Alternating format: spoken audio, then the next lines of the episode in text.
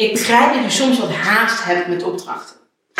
Of dat je denkt, ik krijg van iemand deze opdracht, die persoon kan ik wel vertrouwen. Of ik geef deze opdracht aan iemand, die kan ik wel vertrouwen. Geen contracten nodig. Snap ik. Vertrouwen is ook super belangrijk. Maar toch kan het gruwelijk misgaan. En staan er opeens vriendschappen op het spel. Laatst kreeg ik daar een aantal voorbeelden van toegemaild. Charlotte, de social media jurist van Nederland. Gaan we nu even verder over afspraken maken. En opdrachten aannemen of opdrachten geven aan iemand. Want stel nou dat je denkt, ik heb gewoon heel even snel iets nodig. Ik ken jou, kun jij voor mij heel veel dat tekstje schrijven? Wil jij even voor mij een paar van die foto's maken? Kun jij voor mij heel even hier een podcastje van klussen? Als je vrienden bent, het is misschien niet per se heel veel werk, dan denk je, prima, kan allemaal best. Komt helemaal goed. Er is misschien een heel klein beetje bij gezegd, nou, hoe het gebruikt zou worden. Maar opeens zie je dan die foto die jij gemaakt hebt groot op een billboard verschijnen. Of het is afgedrukt op van die doeken die op stijgers hangen omdat er ergens groot verbouwd wordt. Of het komt voor opeens in een reclamecampagne. Of de teksten die bleken niet alleen maar voor de website, maar die zijn ook in alle folders gedrukt. En die is ook gebruikt voor de advertentie op Facebook. Kortom, je hebt het gevoel dat er misbruik van je wordt gemaakt. Jij hebt gratis gewerkt of misschien tegen een hele kleine ehm, vergoeding. je hebt misschien een flesje wijn gekregen of een cadeaubon of iets dergelijks. En iemand anders zet dat groot in, waar die alsnog heel veel kosten voor maakt.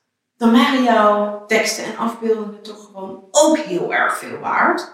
Waarom is daar dan niet gewoon voor betaald? Je wordt boos. Je wordt zo enorm boos. Je vindt dat inbreuk is gemaakt op jouw auteursrecht door het op deze manier te gebruiken. Want dat was toch niet afgesproken? Dus je klimt in de pen, of nou ja, je klimt in je toetsenbord, waarschijnlijk. En je stuurt een mailtje. Wat maak je me nou? Ik heb voor jou gratis die teksten geschreven. Gratis die foto's gemaakt. Ik heb die podcast voor je in elkaar geplust. En nu zit jij dat op zo'n manier in dat jij daar veel geld aan besteedt en groot geld mee wil verdienen. Waarom heb ik daar geen vergoeding voor gekregen? We hadden helemaal niet afgesproken dat je het op deze manier zou gebruiken. Het is een inbreuk op mijn auteursrecht. En hier, dit is mijn schadevergoeding. 2000 euro, kom maar op. En die ander, die schrikt van jouw mail. Die denkt, ja maar, ja, ja, het was een vriendendienst. Het, dat klopt. En ik, ik heb je er ook weinig voor betaald. Dat klopt ook wel. Maar ja, dit, dit is toch juist wat we zo hadden afgesproken. Het waren toch teksten die ik commercieel mocht gebruiken. Want het waren ook voor mijn website en voor social media. Want dat is wat we hebben afgesproken.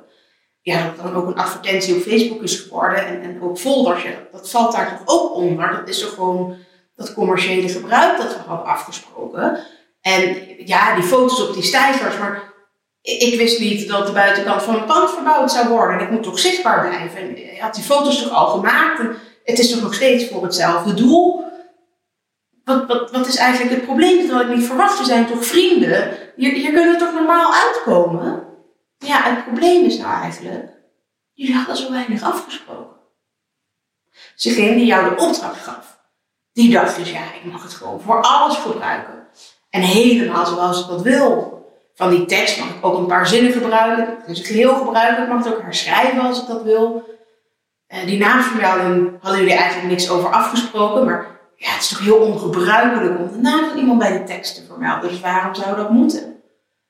En die foto, ja, die, die was inderdaad ook voornamelijk voor de website en social media. Maar waarom dan niet voor social media advertenties? En goed, het is gewoon voor mij toch juist om mijn bedrijf goed zichtbaar te maken. Dus als nu opeens die stijgers voor mijn deur staan, dan, dan mag ik het daar toch wel voor gebruiken. Ja, ja, dat stijgerboek heeft veel geld gekost, maar Anders ben ik helemaal niet zichtbaar en mis ik nog meer klanten. Terwijl jij denkt, ja, oh, wacht even. Uh, ik, de teksten waren inderdaad voor je website. Ik had ook wel gezegd, social media, dat leek me daar ook wel onder te vallen. Maar niet ook nog gedrukt in flyers. Tja, als je maar twee zinnen met elkaar hebt gewisseld over wat de bedoeling was, dan weten ze eigenlijk geen van beiden meer wat nou echt de bedoeling is. En dan ga je dus uit van wat je zelf normaal vindt. Wat je dan moet doen is wat we noemen havelteksten. Het haveltekstarrest. Dan gaat het niet alleen maar over wat er letterlijk over en weer gezegd is in bijvoorbeeld zo'n WhatsAppje of een e-mailtje. Maar over wat de bedoeling van partijen was. Waar, waar ging die opdracht nou eigenlijk over? Nou, misschien dat je er inderdaad ook wel wat af kunt leiden aan hoeveel er nou betaald is. Maar jij, juist als je vrienden bent en zegt de vriendendiensten, ja, je, je, zou er sowieso minder voor krijgen dan het waard was, want daarom was het een vriendendienst. En dan stelt misschien dus die prijs opeens niet zo heel veel meer voor. En dat jullie allebei gewoon een heel ander uitgangspunt hadden en een heel ander idee hadden, maakt het natuurlijk ook lastig. Want wat was jullie bedoeling dan eigenlijk? Kennelijk stemde dat al helemaal nooit overeen. En zat daar al een probleem in voordat jullie hier überhaupt aan begonnen. En dit is echt niet een enkele keer dat dit voorkomt. Het gebeurt heel erg vaak. Um, ja, verdien ik mijzelf mee.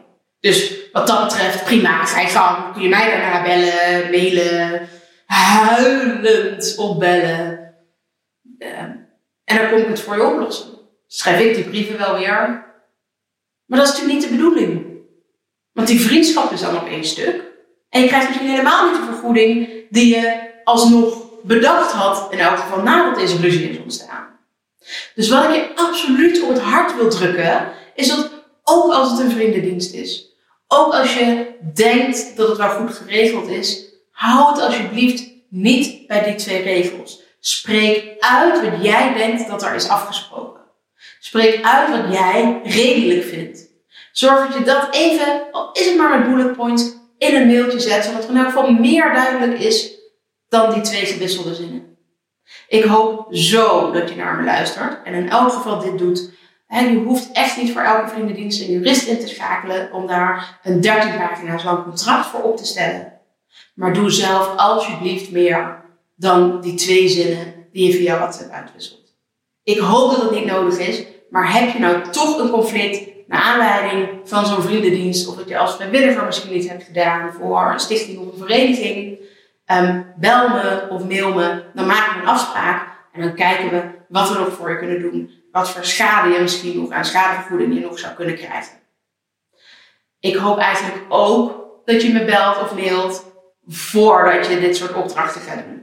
Gewoon om even te bespreken wat er goede afspraken zouden zijn. Of je dan een contract op laat stellen, of dat we alleen even een oploskoffie drinken om door te spreken waar je aan moet denken. Maakt mij niet uit. Maar zorg alsjeblieft dat je het goed regelt, zodat die vriendschap gewoon kan blijven bestaan.